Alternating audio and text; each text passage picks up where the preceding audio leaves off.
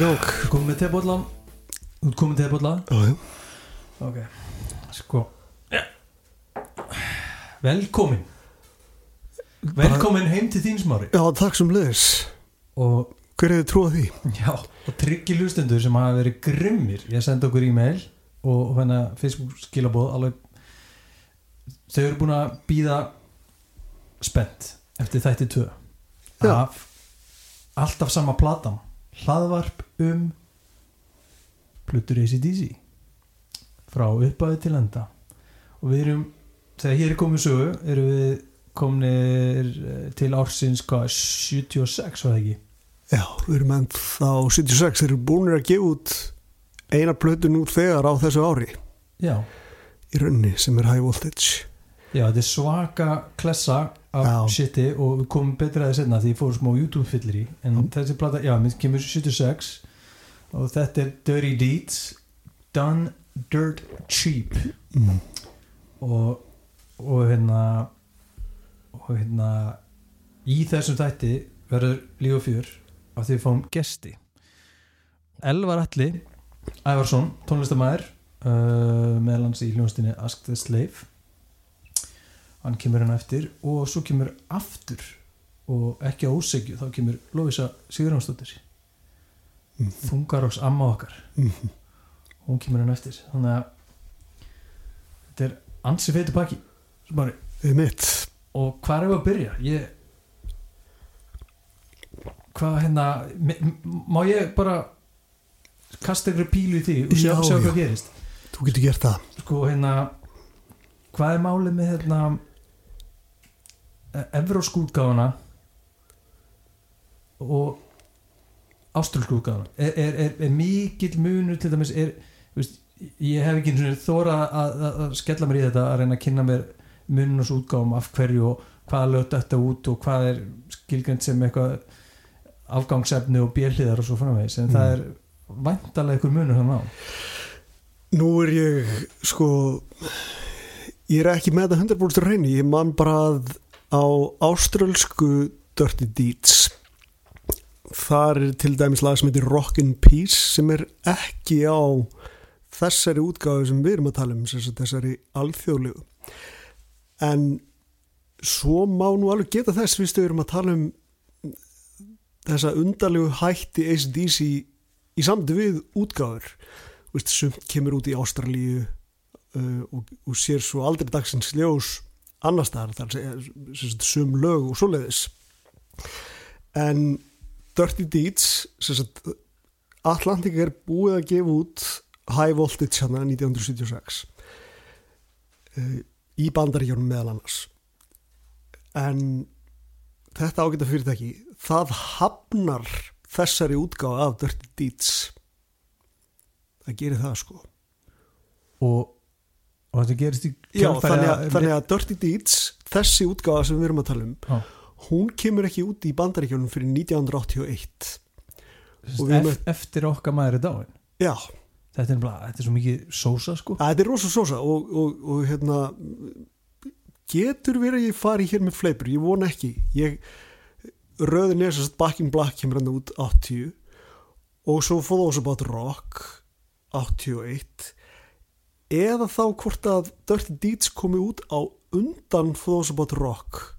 Þannig að það komu þó tvær breyðskifu frá ACDC sama árið með sitt hvorum söngvarnum já, í bandaríunum þar að segja. já, já. og það er kannski þess þetta er kannski stóra ástæði fyrir því að Dirty Deeds var og er líklega enn mjög vinsæl plata í bandaríjónum hún kemur út á þessum þessum trölla tíma ACDC þú veist og við tökum þetta í röð þú veist Let It Be Rock, Power Age High to Hell, Back in Black Dirty Deeds For Those About Rock eða, eða öfugt ég man ekki hvernig þetta er þannig að þetta er, þetta svona þú veist það líður ekkit ár á þess að komi hérna plata með ACDC sko og bara einmitt, mjög sérst það hérna það er sikur söngvarinn og þetta er bara að koma á sama markasvæði á sama tíma Mhm. og, og við náttúrulega þegar maður var krakkið þá hafði maður náttúrulega ekki hugmyndum þetta Ma, maður bara kefti ACDC plötur í þeirri röð sem er byrtist í kaufilæðinu og, Já.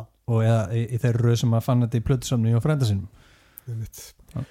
en eins og ég segi ég, ég, ég, hérna, við vorum búin að tala um það að þessi þáttur eru því ekki nökralaus í sambandi við staðarindir nei, nei, og hérna, en ég fletti svo ekki upp en ég veit að For Those About Rock og Dirty Deeds koma út sama ár, ég man ekki hvorur undan en þetta er mjög umdeilt meðal unnenda og þá sérstaklega unnenda Brian Johnson sem þótti mjög skýtt að, að plötufyrirtækið væri veist, ekki að hleypa honum almennilega að í rauninni heldur að tróða að auki látnum manni þarna inn mm sem sagt, og sko á plötu sem var löngu komin út uh, annars staðar í heiminum. Já, löngu komin löngu komin Já. út sko. Öðrum Já.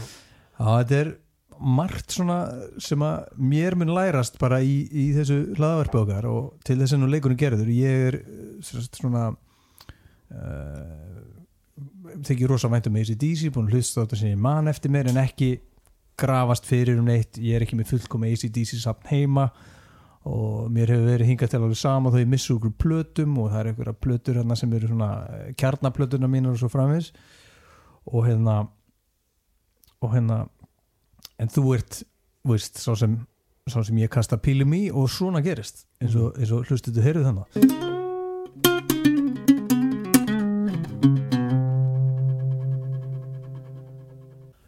Þannig að mér langar að nefna eitt hérna sem ég hjó eftir uh, strax ég hlusta á þessa plötu Dirty Deeds að hérna hljómurinn er öðruvísi. Það er svona gítarinn einhverju er aðeins bjagari og þinnri mm. og svo fyrir að aðtöku hvort bass sem er slíkt sama í gangi þar þá er það tilfelli líka Mm. þannig að þetta er svona aðeins þinnri og rifnari tótt sem fyrir mig ætti að vera eitthvað sem ég þekki veist, kann mjög vel að meti í pönki og svona jaðar drulli Mm. en ACDC er ekki jaðar drullband þannig að það er stölur svona blæbreiða munu frá fyrstu blötunni og þessari hvað þetta varar og einhverjum kann að þykja bara sándu þessar blötu bara lélegt hvað með þig? um, sko kannski fyrir að fyrsta ég held hún sé örgulega tekin upp í tveimur, tveimur hlutum af því að sagt, bæði í bæði í Ástralíu og á Englandi af því að hljónstum fluttist til Englands sagt, uh, það var snemma 76 Mark Evans var búin að vera hljónstin í eitt ár þegar þetta var og ég held að sé mass 76 þeir flytjast þessu treinlega til Englands. Markaðans bassalegari og þeir eru að fara til Englands til að fara í, fara bara í útgerð. Já, Já. já.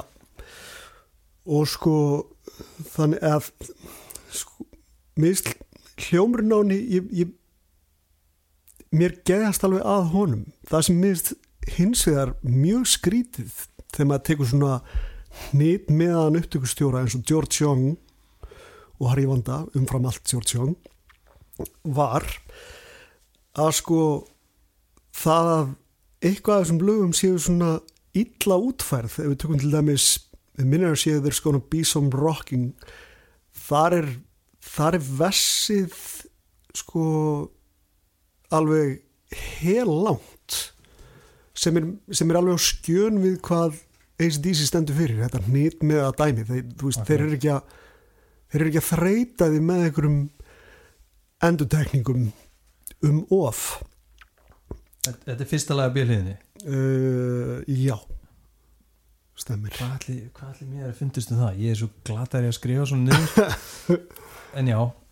Mér finnst, finnst hljómanum bara frekar töf já, á plötunni. Já. og náttúrulega ekkert, í líkingu við það sem koma skildi skilur en ég, ég læta að slæða mm. og hef bara nokkuð veist, það, hann trubla mikið, það er ekki það sem er eitthvað, eitthvað þyrnir í augum mínum hérna að þessari blödu Nú með hvað, nú með hvað er þetta lag? Á Spotify og svona ah, mér minnir að sé nummer 6 þetta er svona fra, rétt fram yfir miða plötu Þetta er ekki hundlegilega hérna Boogie Woogie Chicago Blues lag. jú, þetta er, þú veist, þetta er svona sveiflulaga þannig, en það er náttúrulega annað þannig á plötunni sem er Love at First Feel sem Já. kemur bara strax á eftir titillæginu Ok, ef við ekki bara byrja á byrjun? Jú, við á, getum gert það. byrja á hérna titilægir náttúrulega fyrsta lagið. Já, og mér finnst það bara tröndu gott lag. Og, og hérna og, og hérna er svona í anda ACDC sem maður bara þekkir það. Mm. veist, þetta er alveg bara svona gæti verið alveg á fullt af plötu sem koma hann eftir af því það er rosa einfalt það er hitt með það, eins og þú ert að tala um einmitt. og, og þeir, veist, í, í viðlæðinu er nafnað plötinni sem er alltaf ógisla sterkulegur mm. og, og, og svo líka á einhverjum köplum í læginu í hjóftirið sko þá er hann að tellja upp nöfn á gömlum lögum og gömlum plötum líka tala um Mhm. TNT, Mhm. tala um High Voltage og ímislegt annað sko minnst það, minnst það alltaf einhver brottur í því sko Mhm. Já, uh, mér finnst líka Malcolm skemmtilegur í, í viðlænu Dirty. Það er hann sem syngur þessa gróf rödd í viðlænu sem að sem að lokar viðlænu í runni það er Malcolm. Veitu hvað, hvað, hvað er það aftur? Hvað, hvað er það? Já, ég að syngja. Það Já. Nei, wow Það er hann. Dirty Deeds The done dirt cheap. Er, Já, það er röddin sem er bara ein sem syngur þetta svo sett Já, já, Lokin já, já, já. En sko, já, já, mér, þú veist, ég get tekið undir það að Dirty Deeds sé, sé, sé alveg stórgótt lag. Ég er orðin mjög heyrnalis á það bæð því hvað ég heyrði það ofta á tónleikum og svo hvað ég heyrði það á mörgum tónleika upptökum. Þannig að ég er hún svolítið svona heyrnaleg skakvart Dirty Deeds, myndi ég segja. og hérna næst er Love It Love at First Feel, Feel. sem er svona boogie-woogie mitt, einhver sveifla sko. Ég er ekki mikill unnandi þessa lags, get ekki sagt það og minnst reyndar talandi um þess að svona gerimund af allt í sveiflu ACDC lög að það, það eru mjög fá af þeim sem mér geðast eða það er kannski umfram allt um, fyrsta lagið á Let There Be Rock sem heitir Go Down þá Ok. náður að sama svolítið svona sam, sameina svolítið svona mikinn grotta og sveiflu en þessi lög bæði Love at First Feel og There's Gonna Be Some Rocking eru bara svona frekar svona miðlungs rock'n'roll sveiflulögum mitt Já, ég vildi, já, ég vildi nefna hérna, mér finnst þetta alls ekki merkjöld lag og þetta er bara eitt af þessum, þessum boogie-woogie lögum sem veist, ég vil bara sé búinn mm -hmm. sem fyrst en það sem ég hjó eftir aftur til þess að reyna að finna eitthvað jákvæmt við allt hvert einasta lag og finnst mér hérna hverða við nýjan tón í, í hérna bakgröðunum Já. meira svona sungið og, og já bara svona vanda til vers að, syngja með og ratta smá sem var auðvitað ja, er eitt af aðalsmerkjum ACDC setna meir sko, Mhm. svona þessi, þessar góðu bakgrindir en fyrst þú talar um að lagi var bara búið sem fyrst það er annað sem er frekar skrítið við Dirty Deeds það er þó nokkuð lög á plötunni sem fara fram yfir 5 mínútur og jafnvel fram yfir 7 mínútur okay, það, það, það er rosa svona undarleg pæling með það sem á undan hefur gengið sko. ok, að því þið, þú veist, þeir hafa náttúrulega alltaf gefið sér út fyrir að vera auðmelt rock and roll sko. akkurat og ta talandi um að bara, nú erum að nú erum að stoppa mig, þeir eru glab, einmitt, aftur, er bara eiginlega sama tímabil og við tölum um síðast þetta eru örugglega 20 eitthvað ára gamleir næri 20 heldur en 30 næri 20 heldur en 25 ímyndaði mér. Já, já, og, og næsta lag er svo yfirgengilega heimskulegt mm. og, og, og leiðinlegt. Ég, sko og, og, við, og, og fólk á örglega eftir að vera eitthvað, að það er svo alvarlegir og er að analysera ACDC og mikið og þeir eru bara rock og, og þeir eru ungir og bla bla bla og ACDC, bara ACDC og allt- og fokkar allt í kjafti. En ég meina, þetta lag er, er þetta ekki lagið um eh, pungin á hún? jú, jú, we've got the Oh. biggest balls of them all. Jú, jú, Drotti minn. Já, já. En hérna er já, eitthvað. minnst rosa lítið einhvern veginn hægt að segja um um þetta, þetta er eitthvað svona ofbúslega mikið badd síns tíma.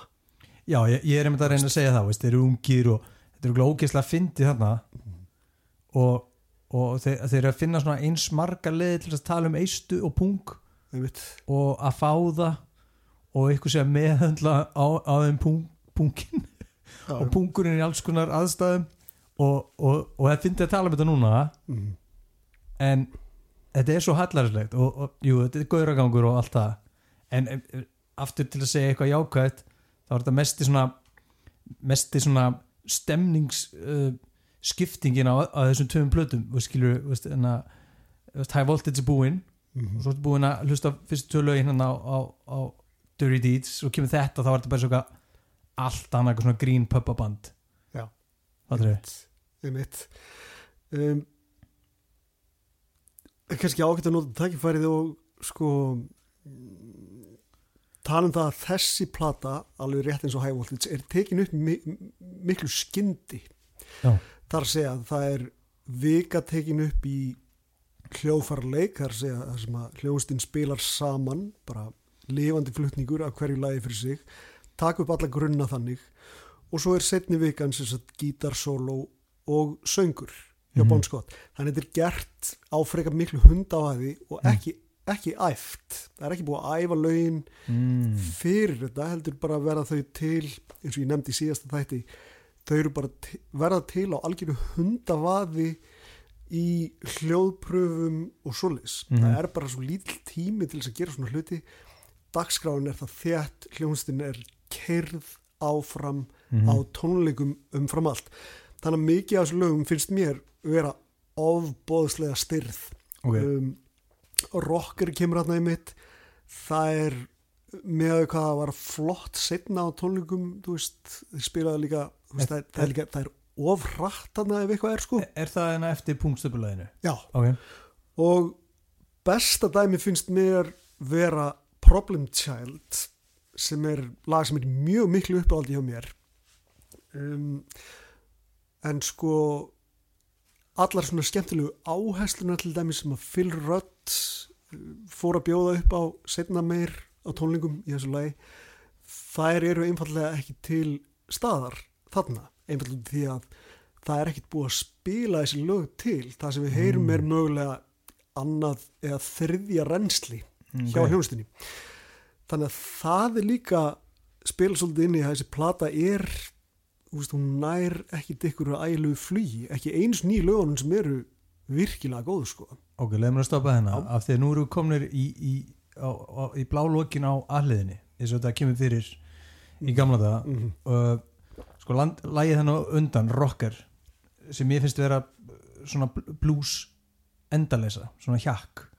Og ég rauninni bara, veist, það er eitthvað svona tvö stef fram og tilbaka og það er eins og séðan að bara fyrir solo og bulltekstan ég man ekki eins og hvaða kjafta þessi bullteksti er um en ég held hann sé bara örf og orð endur tekin í síföllu mm og, og hérna og svo, mér finnst þið samt komast í gangi í einmitt Problem Child Já. og hérna og hérna veist, og, það er ekkert nuklega slag en það er bara strax frá titilæginu og allt til Problem Child er ekkert að frétta, skiljum mig veist, þetta er allt geta mist sig fyrir mér Já. en Problem Child er nægilega gott og er svona smá, náður er svona að- að- að að endur heimta mig sem hlustenda mm. og, og ekki hvað síst fyrir endan mér finnst endirinn mega töff. Mm. og það er eins og ég held að þessi laganumir annar lagi á aðliðinni sem endar í ykkur svona bylli, eitthvað svona ruslatunnu já, já. en svo byrja aftur upp og nýtt á stefinu og með ykkur svona aðeins meir svona meira trukki. Já, mér finnst það alveg mega töff. Mm. og ég var búin að steingleima þessu. Ég var að hlusta þetta í dag.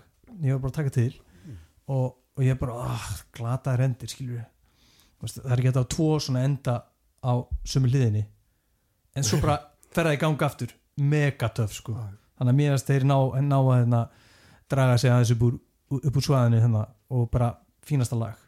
Já, sko ef fólk vil fá góða byrtingamynda af þessu lagi, þá getur það farið náttúrulega í uh, innan gæslega tónleikaplötuna If You Want Blood, You've Got It. Mm -hmm.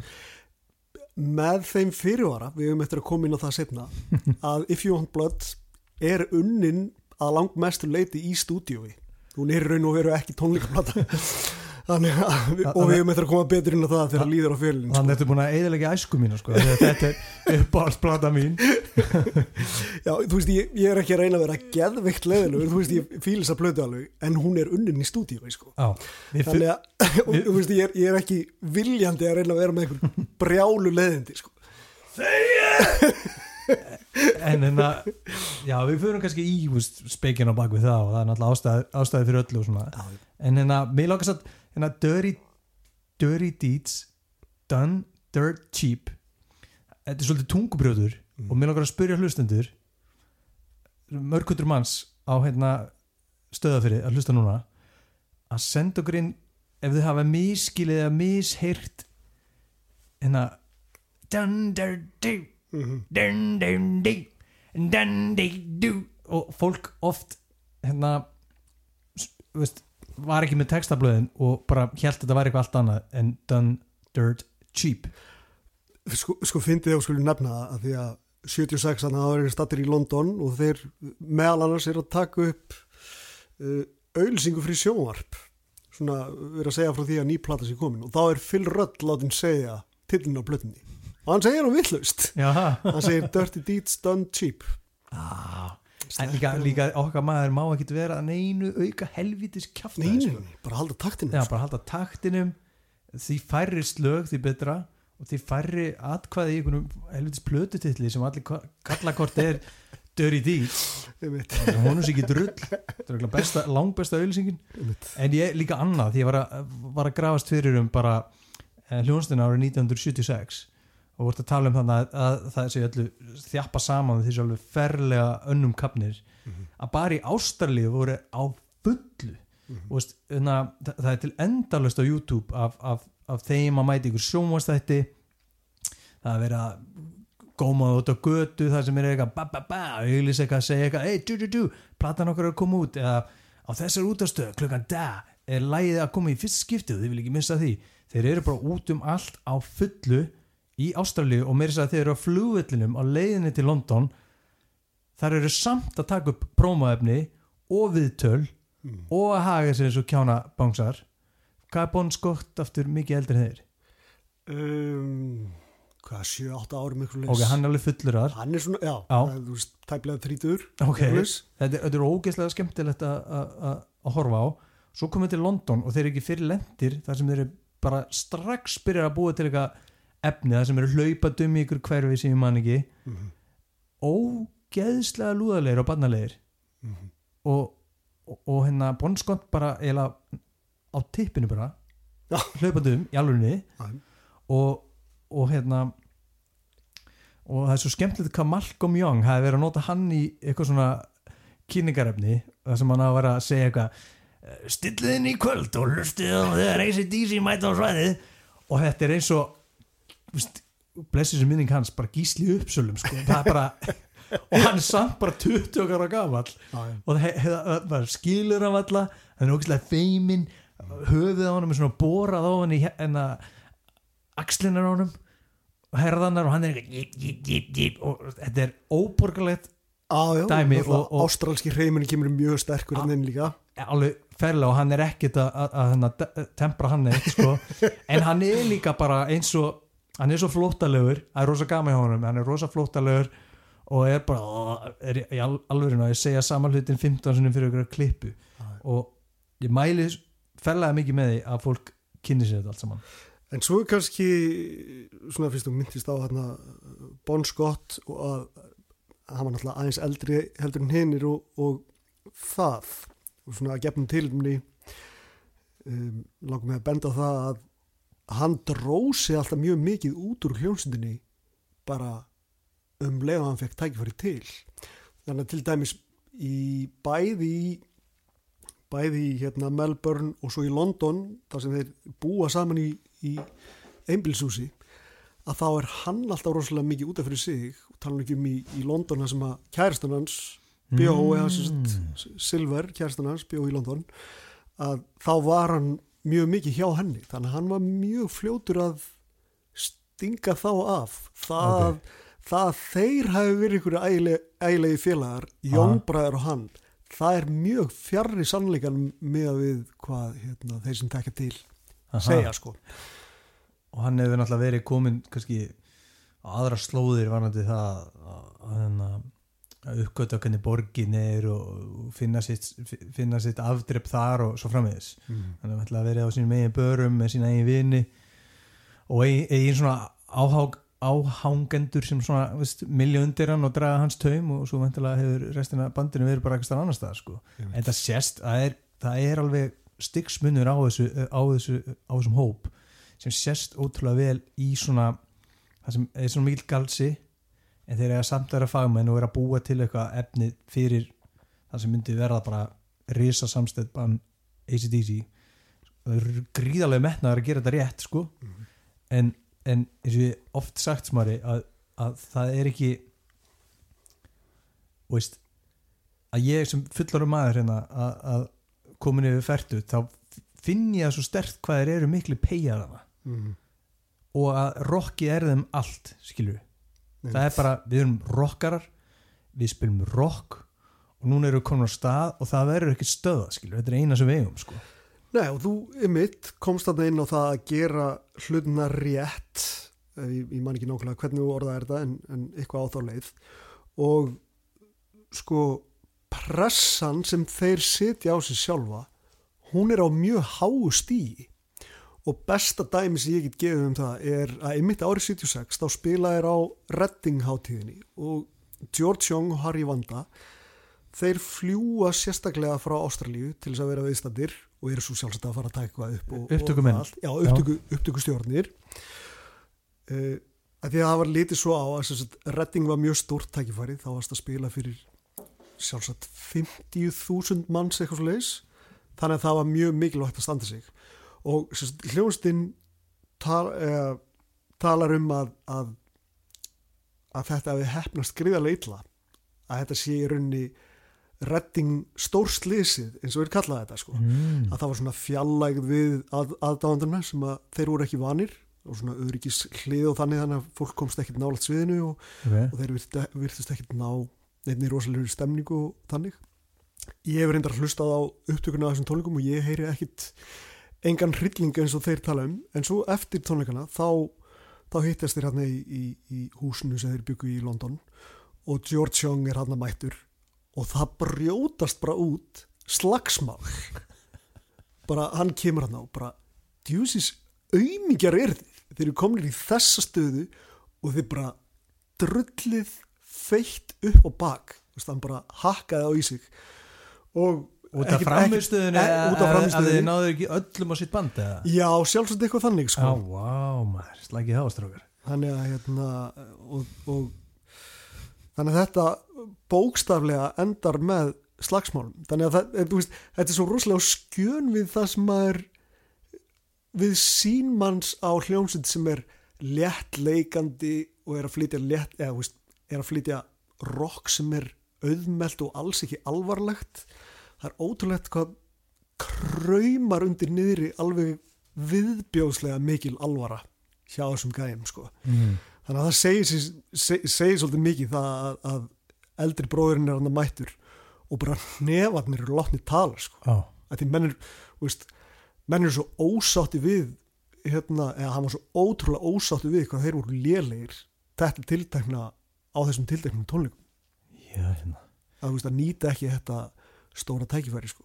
þannig að þú veist mér finnst- mér finnst ótrúlegt að tala um þetta sko. Já, og þetta er örgulega þessi bara gamla saga um að mikið er aldrei þú veist það þarf alltaf meira og hérna og, og hérna aftur, veist, það er búið að gera svo ótrúlega mikið á ferlega stuttum tíma og mikil velgengni mega velgengni og einmitt í þessu viðtaliðan á flugvellinum í Sydney þegar að fara til London, þá spyr ég held að hennar spyrillina er spurt hérna, er, eru þið alveg vissur um að þið muni ná fræða fram að í London þegar þið mætið þar, að, að bara þið muni bara borða úr höndunum á okkur og svona? Og og sagði eitthvað Angus eitthvað, ég er nú ekki alveg vissum að það verður kannski þannig en ég hef engar áhugir að við sláum ekki gegn eða eitthvað svo leið, skilur, við, við erum með plan. Mhm. og, og, og hans Bon Scott talar um að að þeir séu ekki að að þeir séu ekki að veist, það er eitthvað svona he heilindi svona integrity, að þeir séu ekki að, að, bera sig til þess að fá fólk til sín heldur fólki sé alltaf komið til þeirra skilur mig, þeir eru ekki að gera eitthvað til að láta fólk komið til sín, það bara komi einfallega til þeirra af því þeir eru eins og þeir eru. Þeir eru bara, við erum engu, engu breytt við erum bara ástralar, við spilum rock og það er ekkert bull hér. Mm. og þessun eru að koma til okkar að það er gaman tónleikum, punktur. Þeir tala ekki um neitt annað. Nei, þeir, þú veist, og þetta kemur aftur og aftur í viðtölum. Ótrúlega sko um, ég vo- vona þessi í lægi í notið voru bara ótrúlega miklir egoistar sko, mm -hmm. þú veist, bara við erum að fara við erum að fara að pakka öll þessu liði. Mm. og þeir gerðu bara það sama í, í London og þeir gerðu þeir voru í Ástralíu, þeir notuðu aðrar hljóðumstir í rauninni sem skotmörk. Mm bara við erum að fara að pakka þessu liði. Og þeir reyndar notuðu ímsar aðferði til þess. Stundum þeir voru að spila með stórum keppinötum í, í hvað hétt hljónstinn, hvort hún hefði heiti Skyhook eða eitthvað þannig sem var vinsæli í Ástralíu að þá uh, voru þeir sem sagt uh, voru að hita upp fyrir þá en sviðsettu sem sagt handtöku að hljónstamæðlimir ACDC einhverjir voru handteknir þannig að það fóru allir heim talandi um ACDC en ekki um Skyhook ah, já. og þeir gerðu bara nákvæmlega sama þegar þeir voru í London þeir bara, wow. þeir voru, og, og ekkert var að fara að stoppa þú veist, og, og annað frábært dæmi um það þeir voru að spila með Backstreet Crawler held ég að heiti og þar var söngari sem hétt Paul Kossoff ég veit sáralítið um þessi hljómsið annað en, en bara hvað hún hétt þeir voru sem sagt tónleikarfélagi saman. Og hann lætur lífið í miðri tónleikaferð og ACDC urðu brjálæðir og Bon Scott sagði bara í viðtali söngvarinn, í innljóstun ok. Og Bon Scott sagði bara í viðtali bara Paul Kossoff, hann bara hægði á okkur, helviti smelurinn sko. Hann segir þetta bara í viðtali og gæinn bara ennþá sko, tiltrúlega heitur í kistunni sko, bara nýta höður sko. það er líka eitt ógeðslega merkilegt sko sem að, að þú talar um með þessu egostar og hérna gott og vel, ég er einmitt að búin að vera að skoða svona viðtöl frá þessu ári ef það nefnt eitthvað svona ofurband þá segja þeir bætingu við. Þetta er að hérna og nú eru þið komin einhvern til London og, og Rolling Stones er ennþá í fullum gangi. Þeir segja ekkert. Aðra hljóðast að vera, já þeir eru alveg magnaðir þeir eru guðfeðinir og gaman bara að vera í sama postnúmur og þeir sko. Þeir segja ekki neitt, það er bara ekkert. Og svo segir, og bítlanir segir fréttamaðurinn, þá segir þeir eru hættir uh, the Beatles are dead, segir ekkert meira Mm. og bara taktíst, já taktíst já og það er ekki svona að tala um risa hvers tíma fyrir sig, þeir eru bara ég nenni ekki að tala um bítlana eða Rolling Stones sem, dæmis. vor, sem voru þó sko þeirra Já. bæði Rolling Stones og Bílanir Phil Rudd mikill Ringo Starr unnandi og Young bræðirnir mjög miklir Stones unnendur og við eftir að koma inn á það setna í, í þáttunum sko. en þetta er alveg rétt þeir þeir hérna hrósuðu aldrei neinum sko og þeir sko reyndar setna meir þá leiðu þeir sér alveg að tala um meistari sem voru löngu, löngu, löngu hættir sko. Jú, veist, eitthvað blúsar já, sem já, engin bara virkar er, sko. Little Richards og Muddy Já, ok, ok, Waters ok. og, og, og, og svoleiðis ef það er sko 40 árum frá þeim þá kannski byrjaðir að já, ok, ok, þú skulum ræða það skulum menna gefa þeim smá sviðsljósina. Í, í staðan fyrir að eins og lang flestir hefur verið bara, herri það verið að tala með Rolling Stones í, í samingi við okkur, herri við skulum menna stökkva þessu öldu sko, það er bara þögn. Ógeðislega fyndið, þeir eru svona út í sólinni sko, út á okkur gangstjett sko, það er bara að vera að neymdroppa eitthvað risa, þá er þeir bara bara horfðu til lofti sko, Já. Kve- kveikja sér í sígarettu sko, nefnir ekkert að standa í þessu. Ég man bara eftir ég að, að, að, að félagar þeirra bræðra töluðum að, að þeir höfðu báðir sérstaklega Angus Young hafið mikla mætir á Jeff Beck og þeir voru báðir frekar hrifnir af Led Zeppelin sagt, og þá sérstaklega Jimmy Page.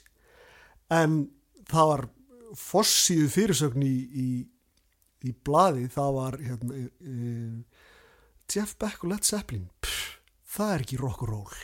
Já, það var bara skítið yfir þetta sko. já, þó er þetta dót sem þeir fíluðu geðvegt sko.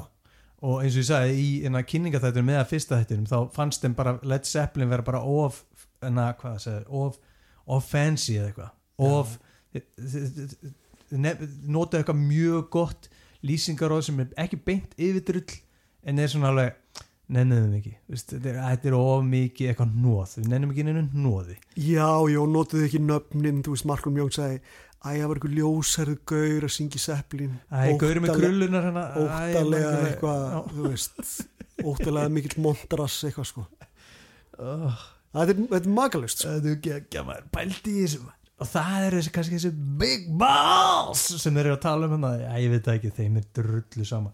Og kannski er þetta að þeir eru svo einangraði líka. Þeir eru ekkit alveg ekkit upp í þessari kreðsu og kom ekkit upp þarna. Þeir eru bara ekkert í Ástralíu og svo eru bara mættir og, og hérna er alveg sama En það er eins, sko, talandum þetta, veist, þeir, þeir ætluðu bara að gera allt til að selja plötur og George Young, er náttúrulega, þess að eldir bróðin, það hefur mikil áhrif á, þau, á þá með þetta, reynslunni ríkari sjálfur að vera með Easy Beats, eh, gert Garðin Fræjam bæði í Ástralíu og Englandi. Og það er til kenningar um það, ástæðum fyrir því að þessi hljómsitt heitir ACDC, það er, þá eru þeir fremstir í rekkan Já, það er líka það. Hugsaður Þú veist, það er ótrúlegt sko. Þetta er bara stríð sko. Þeir eru bara í stríði þessi smjappatarana maður. Herru, við erum komin björliðina Já. Björliðin er ko- byrjuð og, og hérna og, og hvað heitir fyrsta lagið þar? Manstu það? Uh, við, við, vorum komnir hérna í There's Gonna Be Some Rockin' Já, veist, bara strax er ég bara oh, bara því ég heyri titilinn. Og þið megi alveg skjóta mig fyrir það. En svo kemur á daginn að þetta er eitthvað boogie Chicago Blues sem er nefnir í undatekningatilfellum algjört eitur í mínum beinum. Mm. og hérna um, en ég veist, mér finnst söngurinn flottur og og sólón töff mér finnst reyndar alveg töff sóló þessar plötu, ynga til sko. Mm. og, og svo er bara textin endur tekin í sífellu eins og þetta sé eitthvað svona blues jam. Mér finnst hefur verið á bluesháttiðinni það er bara einhverju gaurar með eitthvað improv þeir eru búin að fá sér þessi glas þeir muni ekkert mikið að textum og þeir kallast bara á og taka sóló Mm. drefleðilegt sko. En eitthvað ógislega gaman að framkvæma sko. En, en á plötu er þetta bara mér, mér finnst þetta mjög aum byrjun á bjöliðinni Já. veit ekki með þig ég samla, ég er, ég er mjög lítið hrifna þessu lagi og, og hérna og ég man líka bara eftir því ég var að rifja þessa plötu upp að ég hafði ekki hlusta á hana mjög lengi þangað til bara í fyrra því ég fór að rýna í í allar plötur ACDC um, sem því ég dæmdi mm -hmm. dæmdi þar allar að sko það komir raun á nánast bara óvart hvað mér fannst þessi plata ofsalega léleg. Þú veist að við höfum nú alveg talað um þetta þú veist, ég er ekki að hlusta á hana með gömlu eirónum mínum. Mm, þú veist, ég er bara að hlusta á hvernig þessi tónlist er í dag. Já. og það er margt annað sem ég þarf aldrei að heyra aftur á æfi minn þú veist, mér finnst þetta bara ekkert spes og þetta lag er eitt af því og líka lagi sem fylgir í kjölfarið sem er Ain't No Fun Waiting Around to be a Millionaire maður rétt. Já, mér finnst þetta, ég verður að vera ósamlega hranna, að því að mér finnst þetta að vera fyrst í svona eh, sko, gítariffið sem slíkt mm. allt saman sko, það er eitthvað, eitthvað tvent í gangi í því. Og mér finnst þetta fyrsta skipti sem ég svona vakna upp og er að heita flott riff. Þú veist, hér er eitthvað nýtt í gangi mér finnst þetta svona mi- með við aðliðina sem á tvö góð lög eitt, eitt mjög gott lag og eitt alveg businessner, stert þá er að gítarinn ekki sólóin, heldur bara gítarinn sem slíkur í þessu lagi finnst mér mjög flottur. Og, og hérna en eiginlega ekkert annað skilur en, og, og svo finnst mér endirinn á laginu mjög töff. Ég get ekki alveg humma það þegar þetta er ekki svona mín plata um, en það var eitthvað við hvernig laginu líkur sem er virkilega töff eða smekklegt, þú hvað ég er að reyna Sko já, þetta er, þetta er rétt að gítari fyrir hérna frekar spennandi hérna í byrjun. Já, ég mér finnst bara, ég hef alveg ljómað og vaknaði ég, og hérna það er annað band sem við elskum að lífa sál og kannski bara tveir aðrir í Íslandi en það er King's X. Og, og, og gítar, það er hljómarinn í gangi og það er eitthvað svona, eitthvað svona samspil og, og, og, og það kemur svona upplifting og sól og það er ekkert um sál heldur sem kemur svona sól og, hérna, og svona varmi sem ég elska í svona það sem, það sem spilið er svona einfalt og strenginni ringja og mér finnst þetta bara einmitt svona áberandi stert element í þessu lagi og sem fer síðan fljótlega af teinunum af því að eins og þú hefur nefnt þá er hérna einhver viðlags riff þannig sem er eiginlega bara einhver gangbröð fyrir einhver sögu sem. Bon Scott er að segja Já, og þú veist, það má svo sem alveg hafa gaman af Bon Scott hana, en, en lægið er útrúlega lítið merkilegt, þú veist, það, það, það er eintónað, það hangir eiginlega í sömu tóntegundinni allan tíman og það eina fúti sem verður er þegar þeir hraða á því í lok, lokin og, og reynir svona einhvern veginn að keira það heim. Já, það er það sem ég er að tala um Það er einhvern svona Það er fljótfærnis Já. fnikur af þessu. Já, já, þegar þú segja sko þetta var kannski, minningunum var eins og þetta veri svona merkilegri endir en, en, en, en, en hann er í raun en já, þetta er alveg bara svona keirum áfram veist, og, og hérna, bara látum þetta lag endi í ykkur svona, bætu bara í og eitthvað svona og, og svo bara gretið og það, það har að búið. En, en þetta er þetta er mjög stefnulust lag eins og segir, eintóna byrja mjög ste stert en lagið er ekki stert Nei, það eru lítil blæbrigði í því sem er skrítið það því að þeir kunna sannlega á blæbrigðin. En mér finnst líka ágætt að, að það komi fram að, að sko ef við tökum aðrar plötur bara svona snögglega Aha, ACDC. ok ef, við- ef við tökum ef við tökum, tökum Back in Black til dæmis. Aha. níu af tíu lögum hafa verið flutt á tónleikum. Um, Flick of the Switch átta af tíu. Og Highway to Hell þá myndi ég skjóta á sjö ef ekki átta af tíu. Dómari, er það að þú veist, ég, ég, þú veist þetta er kannski svolítið, svolítið svona svolítið mikið rugg Aftur, þetta er ekki alfræði podcast Þetta- Nei, ok, Nei, það sem ég vil uh, benda á hérna er að til dæmis þetta lag hefur aldrei nokk tíma verið flutt á tónleikum og þau eru Nei. þó nokkur á þessari plötu sem En hafa aldrei verið flutt á En, tónleikum en er og það segir, það segir rosa mikið Mm. veist, að, herru, þetta lag er ekki nógu gott til þess að við flytjum það Og það er líka ekkit viðlagana til þess að vera bara Jöööö, viðlagið byrja maður Mm. Það er ekkit eins og byrjunin er Kanntu spila byrjunin og gítar?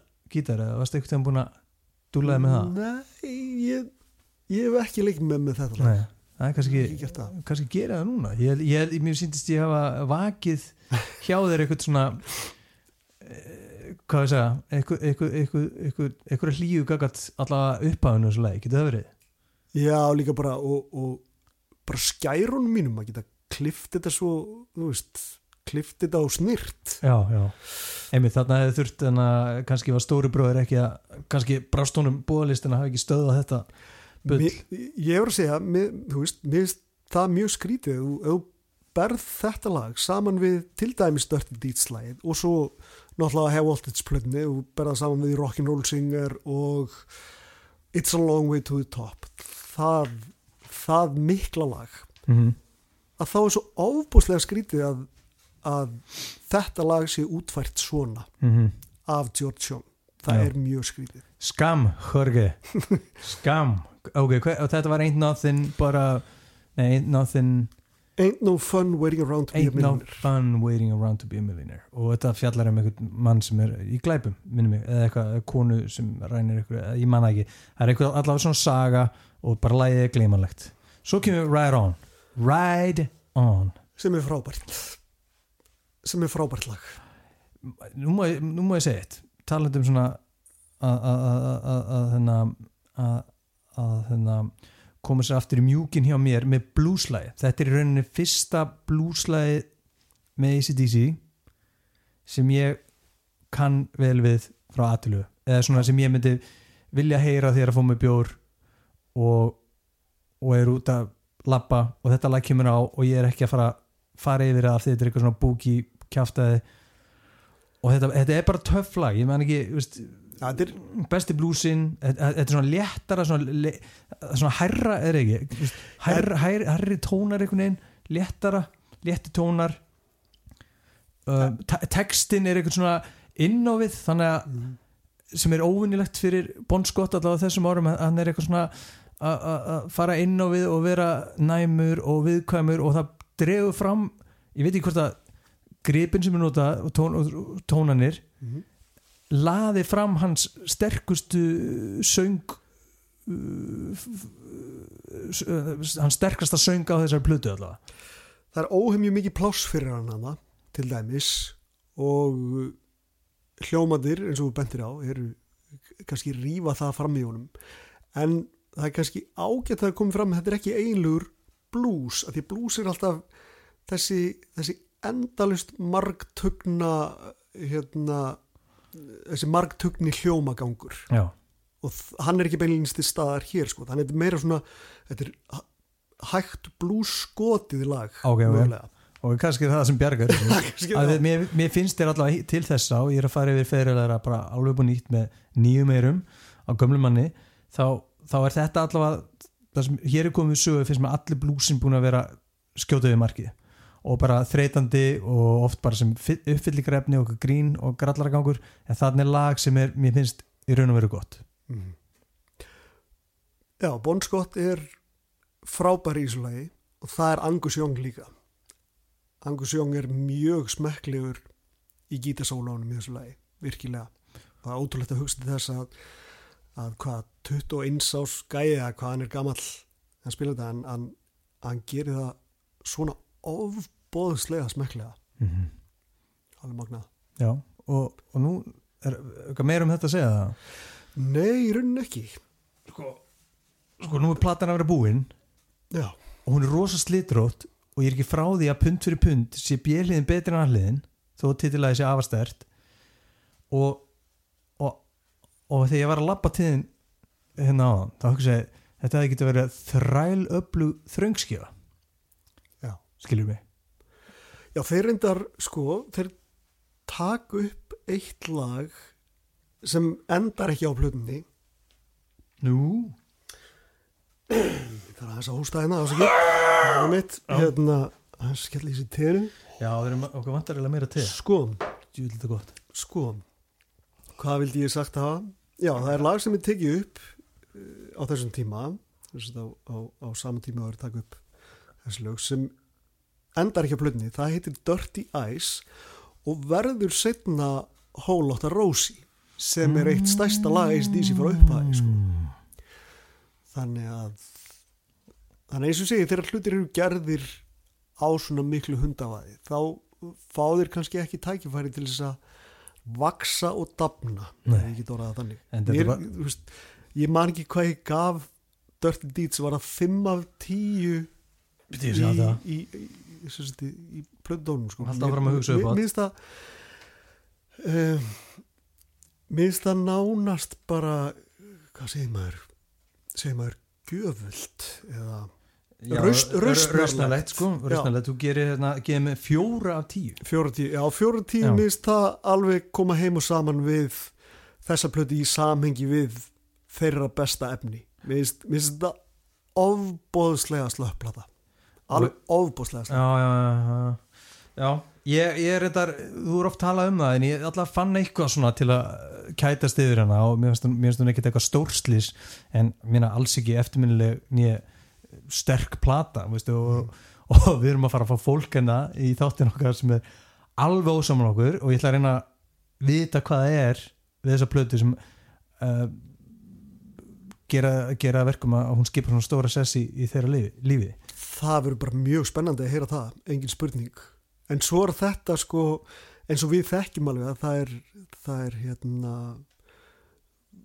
það er til fólk sem dæmir plötur út frá smáskífulögum það er að segja út frá lögum sem fara í spilun en heyra í rauninni aldrei plötunar mm -hmm. það er alveg til.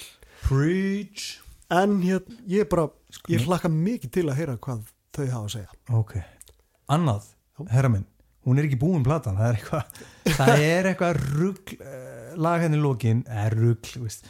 ok, það er bara ekki gott og það er hann að tala um að fara upp og hreina mig. Lag, Já. örgulega eitt af miljón það sem er, hann er að reyna að lokka að sér eitthvað sem hefur aldrei gert það áður og hann ætlar sannlega að láta hann að taka á því í betanum með sér og svo framvegs ég Mm. hvað hva heit þetta lag? skvílar Squealer. Hugsa, er það hann sem er squealin? Eða er það reyna megin er megan sem mun skvíla og, og hver skvílar, er það ekki svín? en svona f- fyrst þú ert minnast á þetta þá, þá það, sem, það sem skiptir mig umfram allt máli í góðu ACDC-lægi það er að það er að við séum að heyra skemmtilegt spilir í að Mm. lægi sjálft sér gott. Og að því gefnu að textin sé ekki hallærislega glataður að þá get ég alveg lifað með honum sko. en ég er um- umfram alltaf að hlusta tónlistina og mist tónlistin í þessu lagi ekkert sérstaklega Við höfum öruglega eftir að leifa líka einhverju lægi að slæta með einhverju skuggala slæmuteksta sko. Það er 150% og, og það er bara þannig. Það er alltaf lægi, við erum ekkert þannig að að rýna í þetta með einhvern öðrum glerugum en, en bara tónlist og áhrifin sem hún gefur okkur og staðastund og allt það og minningar og, og fleira, en, en hér hinga eru komnir, við erum komnir eh, er eitthvað meira sem vilt segja um, um, um, um þetta loka lag, ég meina er ekki bara best? Nei, nei, við erum ekkert að og kannski þú veist, kannski lokin hérna þú veist, ég, ég er ekki að reyna að stíga á neina tær þegar ég tjái skoðun mína á þessar plötu eða einhverjum öðrum plötum með ACDC bara ég þetta eins og ég heyri þetta og mér finnst Dirty Standard Sheep mér hún alveg ógæðslega léleg sko. Ok. Mér finnst þetta rosalega léleg plata. Ég, eh? hérna, þeir hafa gert náttúrulega með Bon Scott innan borðs hafa þeir gert bæði miklu, miklu, miklu betri lög og betri plötur þannig að Mm Ég ætla ekki að mótmála því. Eh, Ef ekki að hleypa Lóis að, ef ekki að spella við hana eldsnörum já, vel gert. Gjöru svo vel Lóisa Já, þetta er sko, veist, þetta er, þetta, er það riff master þetta hana, þú veist, það er bara hvert, master riff er þarna eftir öðru.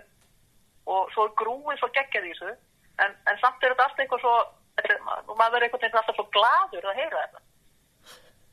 Þeir, þeir langar bara til, til að taka hérna lúft, lúftgítarinn og, og hérna hefðbanga lappandinu og laugaveginn sko, með þetta í eirónu sko. og finnst þetta bara eðlust í heimi. Þetta er bara ACDC og svona hafa maður sér þegar maður er að hlusta á ACDC þetta er galdurinn. Þetta er svona þetta er svona, kemur einhvern veginn þetta kemur einhvern veginn svona við mann þetta er ekki bara músík sem það heyrir og svona já, já, já, já, ágættis lag Og þetta er alveg, sko, þeir langar til að syngja og, og, og úst, syngja með og þeir langar til að vera bón skottar með tíðanbyrð, sko. Það er rosa gaman að heyra að þú brennur fyrir þessar blödu og mikil ástriðan í símónum. Já, ég bara, svona, í dag er ég búin að vera brennin í gegn, bara svona til að reyfa henni upp og þú, þú, það er ekkert, mér finnst ekkert öll lögin góð til dæmis á Let It Go Rock, eða jú, ég heyrða öll lögin góð, mér finnst ekkert öll lögin góð á Power It og mér finnst ekkert öll lögin góð á Highway to Hell, en það er bara öll lögin góð á þessari plötu. En, en sko, ef, ef að mér langar til að setja ACDC á, þá lendir þessi bara rosalega oft hérna á playlistanum á Spotify. Já, þetta var Lóisa Sigurjónsdóttir að lýsa aðdánsinni á Dirty Deed Standard Sheep plötunni sem að er viðfangsefni alltaf sama platan að þessu sinni og Birkir ég held við séum ekkert að tvínóna við að við fyrir bara beint í næsta gæst það er Elvar Alli Ævarsson úr hljónstinni Ask the Slave. Ásamt Back in Black uppáhalds uh, ACDC platan mín ég held því nú fram í einhverju umræðu um hérna uh, um ACDC kjölfari held ég þess að skrifa hans mára. Mm -hmm. þá held ég nú fram að Highway to Hell væri fyrir ofan Dirty Deeds en uh, ég er eiginlega, bara tilbúin að taka það bakka með það og segja bara þetta eru tvær bestu blöður ACDC sko. Þetta er að Já, alltaf þetta eru stór orð sko, ég veit það en sko uh, samt sem áður þá eins og ég segi það var Brian Johnson tímabilið svona uh, fyrstu kynnin og Dirty Deeds kom eiginlega inn svona þegar maður byrja að hérna, kaupa diska eftir, eftir hérna að hafa fengið fermingagrænar Aha. þá fór maður, þá var ACDC svona eitt af þessu böndi sem að maður svona fór að, að hérna, reyna að klára safnið eign- eignast allt með.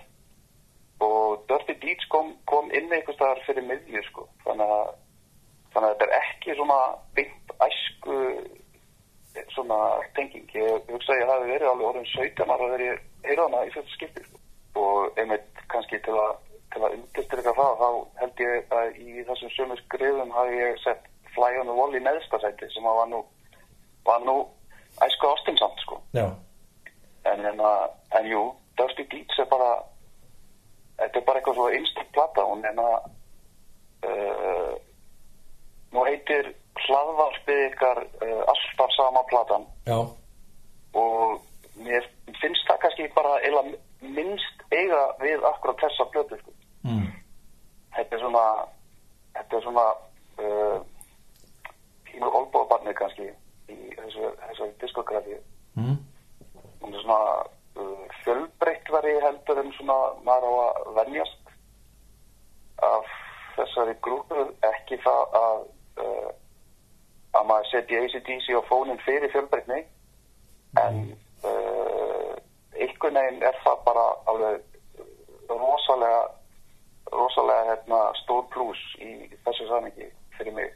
Já, uh, hún er svona dýnamískari heldur en, heldur en aðra plötur hjá þeim og hérna og uh, þó svo ég sé nú mikill aðdándi og hérna þegar að gefa út margar frábæra plötur þá hugsa ég að þetta sé eina ACDC platan sem ég svona uh, gleymi því aldrei meðan ég hlusta að ég sé að hlusta ef þið skiljið hvað það er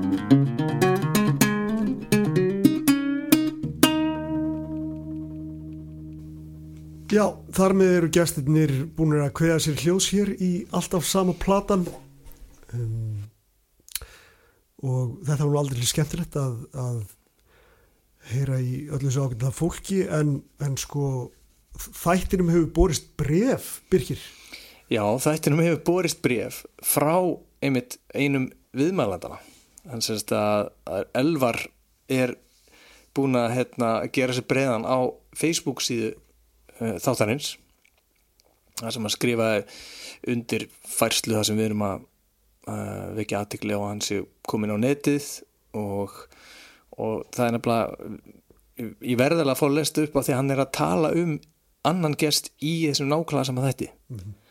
Þessum jumbo þætti sem hann, hann er að vera mjög stór og hann fyndið hvernig maður heldur að þáttur um plötu sem er ekki hátt skrifuð yfirleitt svona þvert yfir að hann skuli vinda svona upp á sig. Af því ég held að hann er meira snubbótur og snaggaralegri en núna erum við komin bara í eitthvað ringadróttins Akkurat tíma tíma system hennar en Elvar Alli Ævarsson liðsmaður hljónstyrina Ask the Slave hann skrifaði hérna um þáttinn. Þá var hann búin að hlusta á fyrsta þáttinn um fyrstu blöðuna hann skrifaði hérna þetta byrja vel hér vita menn hvað þeir eru að tala um. En eitt var hápunturinn og hann var að ykkur á andra frey ólustöðum klárlega sá að fá að heyra rödd Lófisu Sigurjóns aftur. Þvílíkt sem mér fannst ég aftur vera sippin 11 ára drengur í náttfötunum, þakkláttur mömmu fyrir að leifa mér að vaka lengur til þess að hlusta á og taka upp á kasetu þátt hennar. Þetta eru minningar sem ég held fast í. Mér er bara skapin næst að segja sko ef, ef ykkur á upptökur af þessum þáttum þá viljum við gjarnan eignast þær veist, maður myndi bara vilja hérna helli bá gott te fara undir teppi og hlusta á lóðisu aftur Já, og lesa brefin. og lesa brefin Lesa brefin frá okkur tömur. Já. Það væri svo ljómandi og, það, og, og þetta er skemmtilegt. Uh, á Facebook er hérna eh, eitthvað svona hnappur sem stendur ímist community eða samfélag og þar ef fólk vill uh, blanda sér í umræðina og, og, leiðir eitt okkur eða segja okkur til syndana eða taka undir með okkur þá er um að gera að skrifa þar eða undir hann að fæslunar þar sem við kynnum þættinu til leiks og, og aldrei að vita hann að við lesum það upp í þættinum eins og þetta hérna en þetta var svo ævintilega tilvalið að hérna, maður hefði ekki getað að skrifa þetta skemmtilegt, báði gestinir sann að tengjast beint og óbeint þannig gegn En svona lokum við þökkum við þetta gestunum kærlega fyrir að taka þátt í þessu með okkur og ykkur fyrir að hlusta, kæru hlustundur. Þá erum við búin að gera Dirt Deeds Down Dirt Cheap alveg óhemju góð skil frá ýmsum sjónarónum. Uh, leikar munu hittna allverulega í næsta þætti þegar Let the be rock verður tekinn fyrir. Ég held ég geti alveg, alveg loða því. ég hef ekki von á neinu öðru hérna, uh, þar er plata hlaðin af smellum og hérna þarna fer þetta á flug uh, og hérna er rosa margir í, í, í umræðinu um, um fræga bloggfærslu þína sem telja þessa blötu til sem alveg top 3 rosa algengt og, og ofta á topnum þannig að það verður spennandi að sjá hvað tarfinum finnst um þessa blötu og, og, og hvernig hún lendir hjá mér líka eftir öll þessi ár. Akkurat, bara takk hérlega fyrir að hlusta og við heyrum stöðu þetta bara í næsta þátti